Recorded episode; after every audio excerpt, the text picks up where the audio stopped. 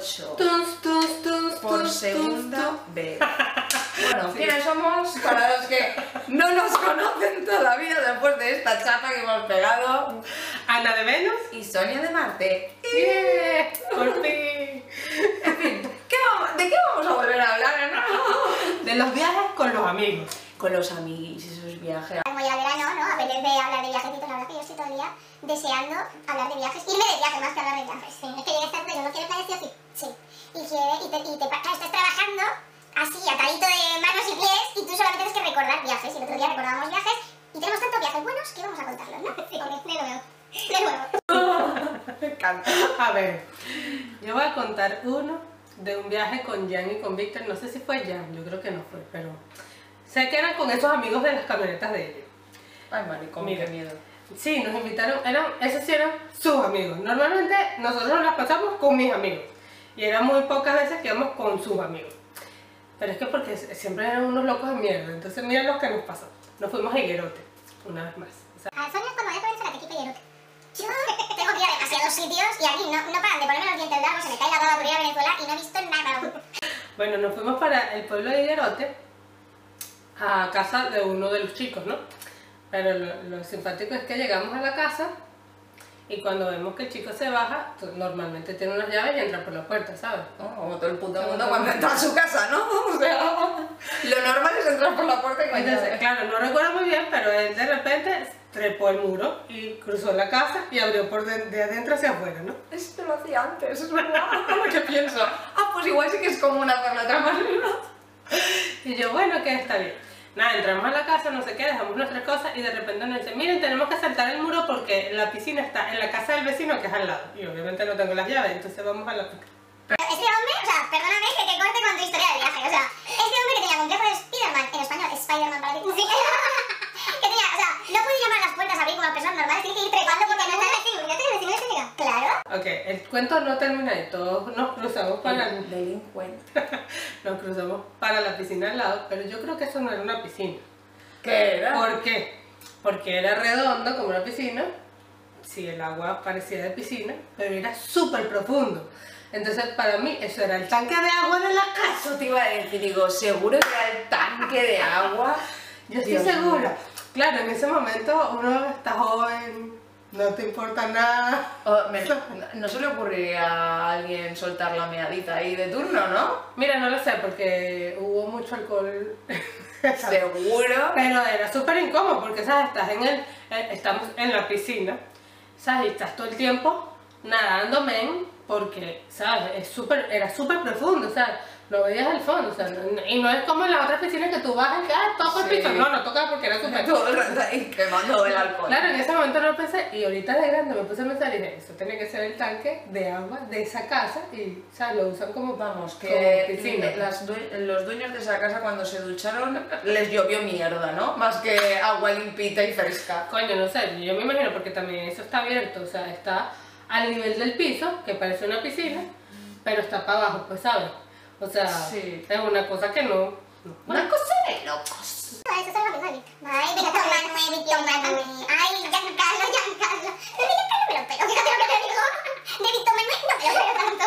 Es que yo a Víctor Manuel lo veo como un osito de peluche, claro. Y a Giancarlo como un demonio de Tasmania. Yo me quedé con el demonio de Tasmania, pero bueno, vive con él. Pues yo voy a contar una historia, no sé por cuál empezar, pero creo que voy a contar una de cuando me fui a México, que dices, ¡guau, qué ilusión! Yo ya había ido a México, me encanta México, calor. Y, dije, y tu- mi sueño era irme en Navidad a México. Bueno, no Ah, me fui en. Navidad, Navidad, pero estaba decorado ya de Navidad, era noviembre, finales de noviembre. Y claro, tú dices, guay, Navidad todo decorado, todo en bikini. Claro, tú estás acostumbrada, ¿no? Pero yo no. Yo vivo en España y en Navidad hace frío, más frío que cacorro. Horrible, sí. Y yo siempre voy con 50 capas, ¿no? Como una cebolla, pues iba en bikini y yo... "Ué". ¿Qué pasa? Que llego a México con toda mi ropita de verano O sea, una telita, pues. y llega de repente la noche y yo, uy, pues parece que pega el frío. Y cada vez tenía más frío y más frío hasta que llegó un momento que le tuve que pedir en el hotel una manta y todo. Me dieron una manta porque tenía un frío que me cagaba, claro. Ya cuando vi que todo el mundo se, topa- se tapaba, yo digo, Ah, pues no es que sea yo friolera, es que el resto del mundo tiene frío. Y me dijeron que hacía 30 años que no hacía frío en México en esas fechas, porque igual hace más fresquito, no lo sé. Pero que no, ese frío no pasaba ahí desde hace 30 años. Yo, Mierda, qué mala "Tócate leche". los huevos que me voy a México, que no tengo oportunidades de ir a México porque hay que gastarse los Claro. churupitos. Tienes que cruzar el charco. Y para una vez que me voy a México en Navidad, ¡hace frío, señores! Yo quería pasarme en bikini. Mal, me salió mal el viaje. ¿Y me hiciste con el resto de la ropa? Porque... Pues mira, tenía una chaqueta vaquera, no te voy a engañar. Esa chaqueta vaquera al final del viaje se sostenía de pie. De la mierda que tenía, porque esa me la ponía todos los santos días, tía. Me la ponía para todo. No tenía otra ropa, tía. Me imagino. No tenía nada más que mis pantaloncitos cortos, mi bikini.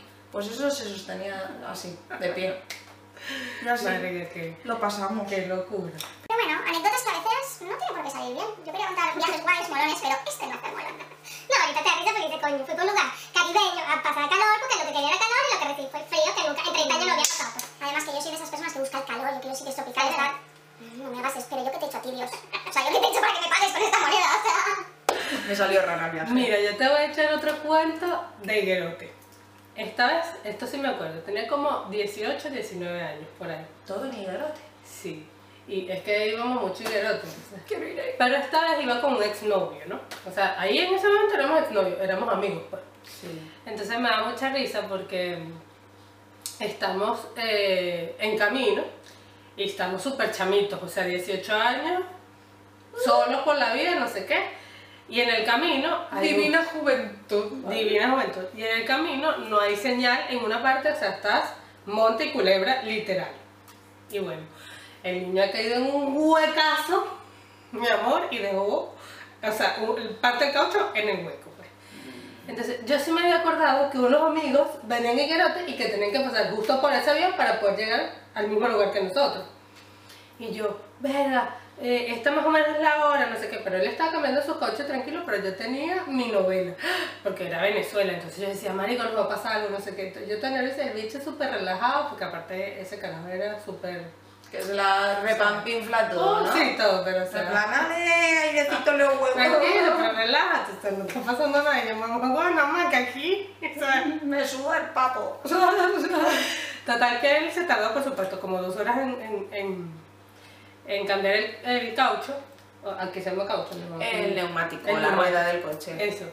Entonces, claro, está cambiando así y yo de repente veo y estoy pendiente de los, de los coches que están pasando porque van a pasar mis amigos con una camioneta. Dicho y hecho. Pero de yo de mongólica, porque no tengo otro nombre, me paro así en la vida y estoy viendo la vaina. Y de repente dije, además sentó un ratico en el carro, coño, pero tengo que estar pendiente porque si, están, si pasan mis amigos, coño, para que me vean. Bueno, marica, en lo que abrí la puerta, en lo que abrí la puerta del coche, me senté, pasaron mis amigos. ¡No! Y yo, ¡No! No me lo puedo creer. Y el chame que, ¿qué te pasa? Es que no había señal. Ah, vale. en un lugar donde no Yo había digo, ¿qué pasa? Todos los años no tenemos. Claro, porque y era una recta, o sea, si yo me hubiese quedado parada dos minutos, dos minutos más ahí, ellos me hubiesen visto y se hubiesen parado nos hubiesen ayudado y hubiésemos salido esto más Una rápido. desgraciada de la vida. O sea, que- eres una, una animalita de seco. Mi amiga se reía, se reía, se reía y yo histérica. Yo, coño, me la va. No me lo puedo creer, no me lo puedo creer. Me giro y. Qué mala suerte que tienes. Y después nos encontramos que marico, nos pasaron por la ni, se dieron cuenta que éramos nosotros. Y vosotros tirados ahí y, y al final como... Coño, ellos no vieron ni el coche. Y ¿qué está mamá? ¿Y cómo, ¿Y cómo se encontraron después ahí tirados, dejados de, de No, de después él puso, no, porque él puso el, el, el caucho de repuesto, fuimos a una cauchera, arregló el otro caucho y nos fuimos a, a- nos íbamos a encontrar. El peor era que, claro, cada quien se fue como por su lado y nos vimos está fue en, en el, Uy, estos tardan un poquito. en el apartamento, claro, nos vimos en el apartamento. No, ya cuando entramos al pueblo, que ya había señal y que mira, nos sentamos, nos pasaron por el lado, coño de madre, no nos vieron. Voy a contar otro cuentecillo. Este es un viaje que nos salió bien, así que he contado uno que, nos, que me salió mal, pues hay otro viaje que nos salió bien, la verdad, y nosotros fuimos inconscientes totalmente hasta que llegamos allí. Resulta que un fin de esto es un fin de un puente, no me acuerdo, una semana. Nos vamos las amigas a Denia, que es por aquí cerquita, que es un sitio muy bonito de playa. Muy lindo. y alquilamos un casoplón. Uy, mierda, que me he emocionado y lo he tirado todo. Un casoplón que ni en los videoclips de reggaetón, te lo digo ya, de estos con piscina infinita, que tenía una barbacoa con cocina dentro, todo lleno Nada. con botellas de alcohol, que normalmente Soñado. tú cuando te alquilas una casa, tú te llevas tu comida, tu alcohol, tus cosas. Y el dueño nos dijo, no, no, todo este alcohol es para vosotras y nosotras. Claro, éramos jovencitas, y clic, clic, clic, clic, clic, los ojitos los hacía como clic, clic, Claro. la casa, no sé cuántas habitaciones, o sea, era un lujo de casa, tenía casa de piscina, o sea, tenía de todo, de todo. Eh, flipando en colores, ¿no? Entonces, ah, fin de semana, fiesta, que si nos reciben con un daiquiri en la casa también, que nos puso ahí un Y no les parecía raro, porque era así como que demasiado sé. lujo para... Pensamos, esto está en mitad del monte, todo sea que nos venga un loco psicópata, Ah, ¿sabes? O el dueño, o de la casita de esta de la piscina nos salga Claro. un psicópata y nos empieza a asesinar. Lo que pasa es que nosotros estamos muy locas. Sí. Y somos muchas, entonces no teníamos miedo porque decimos, wow, si viene alguien a por nosotras, el psicópata termina Lo descuartizado. certifico. Pero sí que es que pensamos, esto tiene truco. Claro, hasta que hablamos con el dueño de la casa Ok. y el dueño de la casa nos explicó al final. Dijo, no, no sé por qué, porque haríamos un comentario de, ah, porque todas empezamos a querer reservar la casa para otros fines de semana. Ah, claro. Para ir con mis padres, la otra para ir con no sé Ah, quién. Y el chico, no, aparte que lo tenía ocupado todo el verano, nos dijo, no os equivoquéis, esto no vale lo que vosotros pensáis, Airbnb, nosotros alquilamos la casa por Airbnb, y se equivocó la empresa y puso otro precio, que nosotros la pillamos con ese precio. qué suerte Entonces, claro, Airbnb tuvo que pagar con el resto del dinero porque su equivocación y tuvo que pagar esa cantidad de dinero a los dueños. Pero el mismo dueño nos dijo, no vengáis arriba, porque esta casa no vale lo que os ha costado. pero él nos atendió, vamos, de categoría y vamos, tenía, nos preparaba los cócteles y todo en la piscina, Sí. teníamos cama en la piscina, es que teníamos, era una pasada. Todo. Y después la, ya la juerga que, que nos corrimos por ahí, eso ya fue bestial, pero eso ya lo cuento otro día.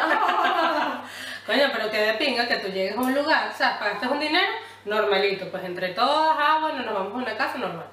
Y de repente llegues y veas esa mansión de Kardashian. Sí, sí, O sí, sea. sí, sí, sí, pero tal cual, teníamos todas las fotos encima de la cama de la piscina, o sea, nos sentíamos unas divas total, nos faltaba el reggaetón ahí, pi, pi, pi, pi, para, para estar ahí en la piscina. Hombre, ahí vamos como lo, lo que pasa es que ahí tampoco podías beber mucho porque estaba en la montaña en un sitio perdido Ah, con vistas al mar y con la montaña Venga. pero tampoco sí después cogías el coche de carretera hasta Cero. luego muy buenas pero en la misma casita y estábamos pi, pi, pi, pi, perrea, perrea y se terminó todos los años nos acordamos de esa casa y ya no podemos porque no tenemos churupitos Coño, porque ya. Fue por una dulce equivocación. bueno, yo voy a echar un cuento eh, que nos fuimos este, unos amigos que trabajaron conmigo en un campamento. O sea, éramos todos unos chamos, no sé qué. Y bueno, fuimos a casa de un amigo en Paparo, que... esa zona no la conozco todavía No, es que vi a Higuerote, pero no. o sea, de no sé. me refiero porque no he ido, obviamente no conozco nada Y bueno, tenía una casita ahí y nos hemos ido ese sentido. ¿no? Éramos como 12 o 15 personas, algo así, ahorita no me acuerdo. Pero éramos muchos, dormíamos en la sala, todos. O sea, era un salón gigante y todos du- durmiendo así. O sea, muy poco, el- que si las parejitas duermen en los cuartos, pues. Y nada, tú sabes que cuando uno tiene una casa libre así, alcohol venga. Y en Venezuela si no hay que si, ah, para alcohol, que se toma alcohol igualito se agarra el carro y chao. O sea, no pasa Ah, nada. es que nosotros tenemos conocimiento de causa, hombre. No, pero no tenemos que salir para ningún lado. Entonces, lo que había era, no era una piscina, pero era como un jacuzito que, ¿sabes? Sí. Hacía la, la, Hacía el papel. hacía la tarea, la, Hacía el papel glamuroso.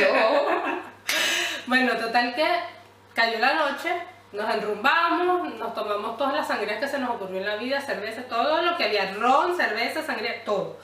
Entonces, claro, mi primo, este, empe- empezamos a jugar una cosa que se llama, coño, no me acuerdo, es algo con dominó, que, que si te saben que si dobles tienes que tomar doble, que si sale no sé qué, tienes que tomar todo, y así sucesivamente. O si no, el de la derecha, si no el de la izquierda. Vamos a buscar ese juego. Sí. Y entonces, nada, claro, imagínense, yo, como siempre, ya vieron el de las borracheras, yo cuido a la gente. Todos están héroes para el coño. Yo Mi primo, nosotros para que los niños hagan silencio, normalmente levantamos el puño y ellos hacen silencio. O sea, es como la señal de hacer silencio. Eso, lo hace- eso a nivel mundial, ¿eh? Sí. También se dice oeo, oe, Ah, oe. Yo- Ay, eso a nivel mundial. Entonces, nada, Claro, él en medio de la pea, estamos todos con un alboroto y él se paró en la mesa y arriba había un ventilador y el niño ha levantado ese puño y el ventilador se le llevaba la mano. O sea, le tiene un coñazo, men, que yo dije, se la fracturó, se la fracturó. O sea, se me bate ahí, por favor. Pero Mate no le cortó la mano de cuajo. No, ni le cortó la sangre. ni le cortó la mano, imagínate lo ebrio que estamos que ni le dolió el carajo, o sea, no se le quitó la pea ni nada, o sea, hasta- esa fue la primera. La segunda, agarró una pea, o sea, una chama agarró una pea que lo que hacía era decir que el novio lo tenía chiquito. El ex novio era la vaina. Ajá, decía, ah, lo tengo chiquito. uh". Perdón, un barniz. Marica, eso era, mira, toda... Y después la vomitadera de esa jeva, nada normal. Otra amiga le dio por limpiar la casa. Entonces, la casa alrededor tenía como ese jardín que, que es como un muro, pero de matas, Sí. ¿sabes? Bueno, ella estaba riendo así y ella en un momento como que se paró así, se mareó y soltó la escoba, marico, y se fue para atrás y quedó así con los piecitos y que... Yo no entendía lo que pasaba porque yo estaba viendo todo el alrededor. Yo decía, Marico, ¿qué está pasando? Otros se metieron en la piscina con ropa, o sea, en el jacuzito con ropa. Yo decía, Marico, esto no, esto no va a acabar bien. Esas son las mejores. Lo siento. Sí, pero de verdad sí acabó bien porque no nos disfrutamos, cada quien en su pea. De verdad que a pesar de que, bueno, recogimos algunos vómitos, no estuvo mal, ¿sabes? Ay, maricón, me imagino que la, la, la que le daba por barrer, por limpiar, recogería mucho el vómito, ¿no? Esa era la Mónica No, del grupo de no, ella después de ahí, de- después de caerse en las matas murió. No, Y resucitó. ya no puedo limpiar más. Coño, si tanta ilusión le hacía, haberle dejado toda la mierda para que la recogiera. Marico, me acabo de acordar de que una amiga decía que no. A ella se estaba acomodando el traje de baño en unas duchas que estaban atrás, pero había una pared, o sea, la Sí. gente no te veía. Ella se estaba acomodando el traje de baño, y claro, en- en- si te lo acomodas, obviamente se te sale medio una lola, entonces te Sí. como que nadie me vea, que nadie me vea. Yo, marica, nadie te está viendo porque. Que es un moro que no es transparente. No, y que nadie iba a venir, porque yo estaba pendiente que nadie viniera porque se estaba cambiando y ahí. Voy a vomitar aquí, yo, Yo te una cosa, cuando dices eso, es muy amiguito ya. Bueno. Porque, ¡ole! Otra vez, ¡Venga! Todos por el aire. Si tú dices mucho eso por el que te vean, no me jodas, ¿sabes? Un muro, una, una seguridad, ¿sabes? Ahí. ¡Que nadie me vea, que nadie me vea! No me jodas, es que parece que está muy bien, me se acordaba que estaba, ¿sabes? De esa manera, y no te va bien. Y de verdad, está bien. Es que aquí estaba como en su mundo, la música, el pelo, la- nadie estaba como pendiente de nadie. Si te pones en pelotas de repente, nadie te va a... O sea, igual, mm, aunque te pongas delante de alguien en pelotas, va a decir, ¿esto qué es? ¿Esto negro qué es? Marico, me acuerdo que, no sé por qué agarramos el, el directorio del teléfono y rompimos las hojas y las pusimos en el piso. Después teníamos todos los pies negros. Soy muy delincuente. O sea, una cosa loca. Una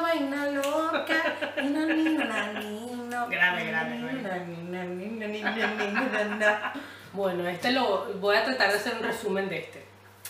Este, No, este, no, este no. viajecillo fue con Giancarlo y con Víctor. Nos lanzamos para la Gran Sabana, ¿no? Nos fuimos tres parejas. Y nada, Ah, por supuesto, ya mi amigos forever de toda la vida. O sea, esos son un inmune, pero infinito. Cortados con la misma tijera, igualito todo. en fin, Asústame. sí. Total que nos fuimos con otra pareja amiga, ¿sabes? Que no eran tan amigos, pero bueno, panitas, pues ahí bien.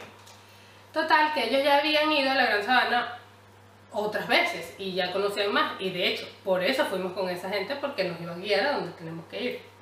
Entonces, claro, el viaje empezó muy bien hasta que eh, la señora del amigo de ellos, que no va a decir Ay, nombre, ya sé lo que vas a decir esta historia. eh, ella empezó a no ir a los saltos. Los saltos son todas las cascadas que hay de todos los paseos de la Gran Sabana, que son arrechísimos. Ok, o sea, el que no conozca ya sabes, otro lo toma más tranquilo, no lo vamos a. Este, Y sinceramente, o sea, se empezó a notar como una tensión porque la Jeva no compartía con nosotros. O sea, las fotos estamos nosotros cinco. Ella no estaba porque. o no quería bajar la montaña para los saltos, o no quería subir la montaña para los saltos, o los mosquitos, o el calor, o el frío, o sea, siempre era un pedo. Suicídate, no te gusta vivir. Eran 10 días, huevón, en una lama, o sea, en la selva, porque eso de verdad es selva y no, marica, no hay señal de nada. De hecho, nosotros cruzamos hasta Brasil. Fuimos a un pueblito a comer carne y todo súper chévere. Igual. Entonces, ¿sabes? Me- De regreso, ya la cosa está como más. O sea, decidimos en un momento no pararle más bola y nosotros tripearnos nuestro viaje y a la mierda ella. Pero de regreso, eh, en Venezuela había muchos problemas con la gasolina en ese momento. Y había que hacer muchas colas. Entonces había o muchas estaciones cerradas o una sola que servía y la cola era kilómetros. ¿Qué pasa? Que nos habíamos recordado que al principio del viaje había otra estación de gasolina súper escondida de la nada que, ¿sabes? Le dimos que sí, dos Gatorade al guardia y nos dejó pasar. De ida. De regreso nos recordamos de eso, pero claro, mi amigo logró entrar. O sea, él, eh, su coche sí entró. Y, coño, por radio, eh, Jan y Víctor le avisan, mira, nosotros nos vamos a ir adelantando a la otra estación de servicio porque este, puede que, ¿sabes? Que haya gasolina, Sí. porque nosotros no vamos a entrar aquí, pues, o sea, no, no nos va a alcanzar, porque como que ya habían dicho que se estaba Sí. acabando y no sé qué. Claro, men, ¿qué piensas tú? Que el otro imbécil tiene el radio prendido Claro, y que te está escuchando, ¿me entiendes? Porque, ¿para qué coño pagas el radio? Ya, ya ahí me pongo negra por porque ya por ahí la cagaste. Y no avisas, mira, voy a apagar el radio. Empieza a hervir la sangre, Ana. O no sabe. Claro, nosotros nos vamos, nosotros, o sea, Jan en su camioneta, Víctor en su camioneta, nosotros nos vamos para, para la- que realmente era que sea 20 minutos, o sea, no era tampoco lejísimo de la vaina. Bueno, tío, después de haber tanto viaje, Total que nos fuimos, echamos gasolina y ve, estamos esperando a los carajos, ve, pasa 15 minutos, 20 minutos, 30 minutos, 40 minutos y como a los 45 minutos los carajos pasan hecho mierda y nosotros les tratamos de hacer señas porque nosotros estamos pendientes de que cuando pasaron, bueno, ya nos uníamos al camino y ya está. Bueno, mi amor, los bichos se pararon y esa mujer con un drama de que nosotros la habíamos abandonado, que qué bolas, que no sé qué. Entonces, claro, los hombres diciéndose cosas, pero cuando ella, ella le dijo una vaina a Víctor que ahorita no recuerdo. Y recuerdo que la pareja de Jan en ese momento, si no me agarra yo le doy un coñazo. Sinceramente. O sea, yo me bajé de, Sí, llorar. yo me bajé del coche, o sea, porque dispuesta a dar coñazo. O sea, sí, le grito unas cosas, ahorita no me acuerdo ni siquiera. Pero si grité tú gritas a mi macho alfa, yo también. O sea, a mí me grité tan duro que todos se voltearon así y me acuerdo que la pareja de Jan en ese momento me agarró y me dijo, vamos a hacer pipí. Como para No tienes ganas de hacer. Oye, el tiempo no está raro. O sea, se- fue lo que se le ocurrió porque estaba demasiado libertad. Claro, después de eso todo cambió y que, o sea, váyanse a la mierda, o sea, porque si tú estás en un viaje es para compartir. Si tú no quieres ir a un viaje, tú no vas y ya nosotros nos apañamos cómo ir a la Gran Sabana y cómo hacer nuestra ruta y ya, porque nadie tiene que perder de nadie. que, tía, si no ha habido comunicación, vale, os habéis ido a otra gasolinera. Mm, Ellos no os han escuchado. Coño, pues se ha apagado la radio, qué mala suerte, no pasa nada, quedamos en otro punto y ya está. Exacto. No es abandono, ha sido falta de comunicación. No, y creo que es obvio que si no estás, es porque estás o más adelante esperando, o sabes, algo está pasando, Claro. eh, prendes el radio, porque nosotros nunca pagamos el Claro. radio y ellos se podían comunicar con nosotros y ya Nunca está. se me ocurrió No, no, encender la radio. bien corticos de mente, de verdad. Pero bueno, gracias a Dios no están en la vida de uno, que a la mierda. Aquí podemos decir nombres y todo, ¿no? Coño, pero si lo van a saber ya. Has contado con pelos y detalles el viaje entero. Yo tengo otro cuentito así interesante, curioso. Ibiza. Coño. Ibiza hay que ir, no lo tenemos tan lejos. En Venezuela nos pilla más lejos, pero Ibiza hay que ir. En verano no vamos porque sabemos las circunstancias, pero el verano que viene no te pierdes nada. Ya será, ya he ido 7 u 8 veces a Ibiza, imagínate si no. Claro, tú eres nuestra guía turística. Claro, ya no me acuerdo, hace años, o sea, no, siempre ves algo nuevo. El caso es que a nosotras nos gustó tanto, a mis amiguis y a mí nos gustó tanto que repetimos viajes. Entonces, Ibiza, pues Ibiza Forever, siempre volvíamos. Y nada, en una de esas yo me acuerdo que yo volvía de otro viaje, no me preguntes cuál, no me acuerdo, pero yo soy de esas personas que si no está en su casa no hace popo. Sufro de estreñimiento. A mí me pasa eso, me pasó la Gran Sabana. Entonces, claro, tú imagínate, yo me fui de vacaciones, habían pasado ocho días y en ocho días yo no había ido al baño. Te entiendo. Pero es que tampoco tenía ganas. Y reenganché ese viaje, no sé si fue, creo que fue Turquía. Y de ahí me fui a Ibiza con mis amigas. No, pa- pasé por casa para lavar ropa, hacerme la maleta y me fui. Creo que ni lavé ropa, o sea, me cogí otra, ¿sabes? Imagínate. Me iba el mismo día, no pasé por el baño. Nunca en la vida. Entonces, claro, llegamos a Ibiza y yo, mis amigas decían, tía, no puede ser que estés tanto tiempo sin ir al baño.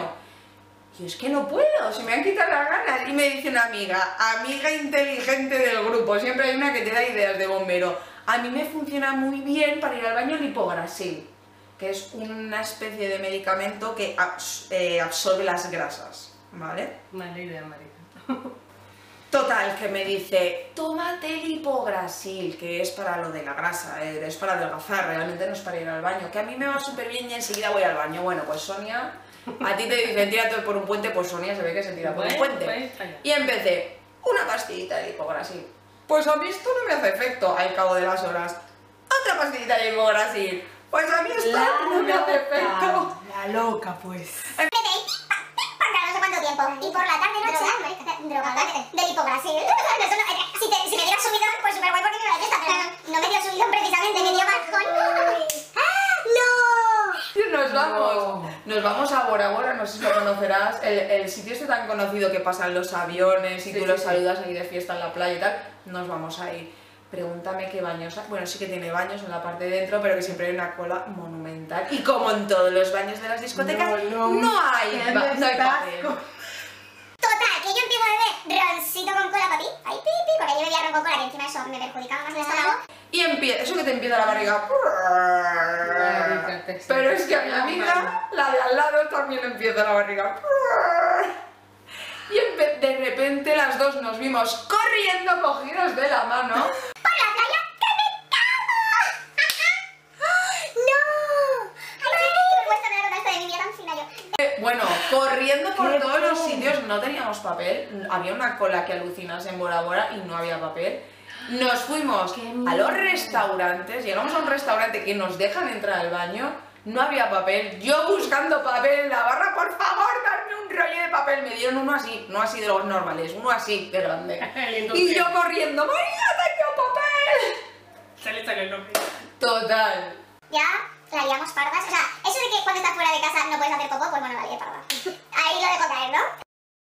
Nada, ya pasó eso, todos felices y contentos y pillamos una merla o una merla, una castaña, pillamos una melopea. Ok. Interesante, ¿no? Súper interesante, tan interesante que una amigui en ese- esa misma noche, es que ahí nos pasó de todo, pero voy a contar solamente dos cositas. Resulta que una amigui terminó liada con un... Esa amigui iba, iba hasta arriba de alcohol, se lió con una, una amigui que se encontró por ahí, vamos, un esperpento, toda flipando de coño. ¿Qué pasa aquí? No entendemos nada que le ha pasado. Bueno, la amiga el día siguiente ve las fotitos y dice, ¿y ese quién es? Ya hay material. ¿Y ese tan feo quién es? Y todas, ¿ese quién es? ¿No sabes quién es? Pero si te liaste con él anoche. No, con el que yo me lié estaba mucho más bueno que este. Este no tiene nada que ver. Se lió con un feto, con un monstruo que al día siguiente ella misma decía, no puede ser. No. Coño, yo eso pensaba que no pasaba, pero pasa. Se ve que la, la vista te, te bloquea. Se lió con uno que te mal. Por eso todas estaban extrañando de, ¿pero qué está haciendo esta? Mira, Marica, a mí no me pasó viaje. nada así, gracias a Dios, pero... fue un viaje curioso. Mira, bueno, mi alguna, cosas, ¿eh? alguna amiga, lo que pasa es que mis amigas tienen esos gustos. Voy a decir, desesperada. o sea, alguna de mis amigas de verdad bonita. O sea, bueno, yo tengo una amiga que lo, que lo... O sea, que ella dice, marica, yo estoy clara que me gustan los feos. O sea, yo no sé nada, puede ser a mí. eh, ¿Cuál es el más feo de todos? Este, ok, es el que me gusta a mí. una amiga que también, que lo admite. Y dice, a mí me gustan feos, así no me los va a robar. Entonces bueno, tienen esa moral distraída en, en los gustos. Yo creo, para gustos no hay colores, tía. Yo creo que a veces te puede gustar, no tiene nada de feo, nada de Claro. malo que sea feo, ¿no? Hay veces que te, pues hay otras cosas que te gustan en la persona, ¿no? Claro, pero es que lo estás conociendo esa noche. Pero eso, eso fue puro alcohol, o sea, eso no fue ni que tuviera nada O interesante. sea, ahí no había ni, o sea, ni conversación. Te juro Mira, que ni el nombre. Al día siguiente te prometo que es que no había ni desayunado. Si no, hubiera vomitado, te lo prometo, porque fue dormido. ¿Y, y quién es este? Preguntó.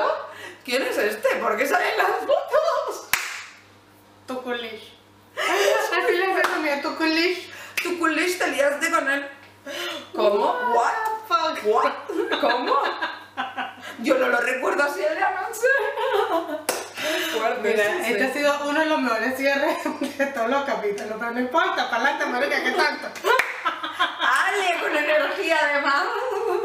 Ese sería mi consejo para mis amigas. Adelante, marica. Ahí, si hubiera conocido la frase, si te hubiera conocido, entonces esa frase lo hubiera empleado en ese momento y lo hubiera dicho, pero no la conocía. ¡Eh, tanto un gustillo! Pues ale, arreando que es gerundio. Bueno, y con esto y un bizcocho, Pues nos vemos el viernes a las 8. Y ya está.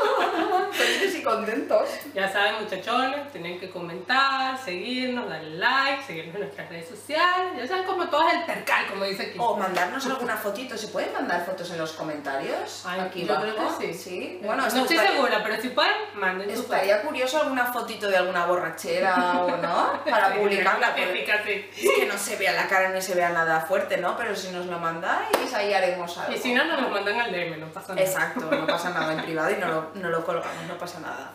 Bueno, muchas gracias por estar ahí, como siempre. Nos Adiós. queremos, adiós.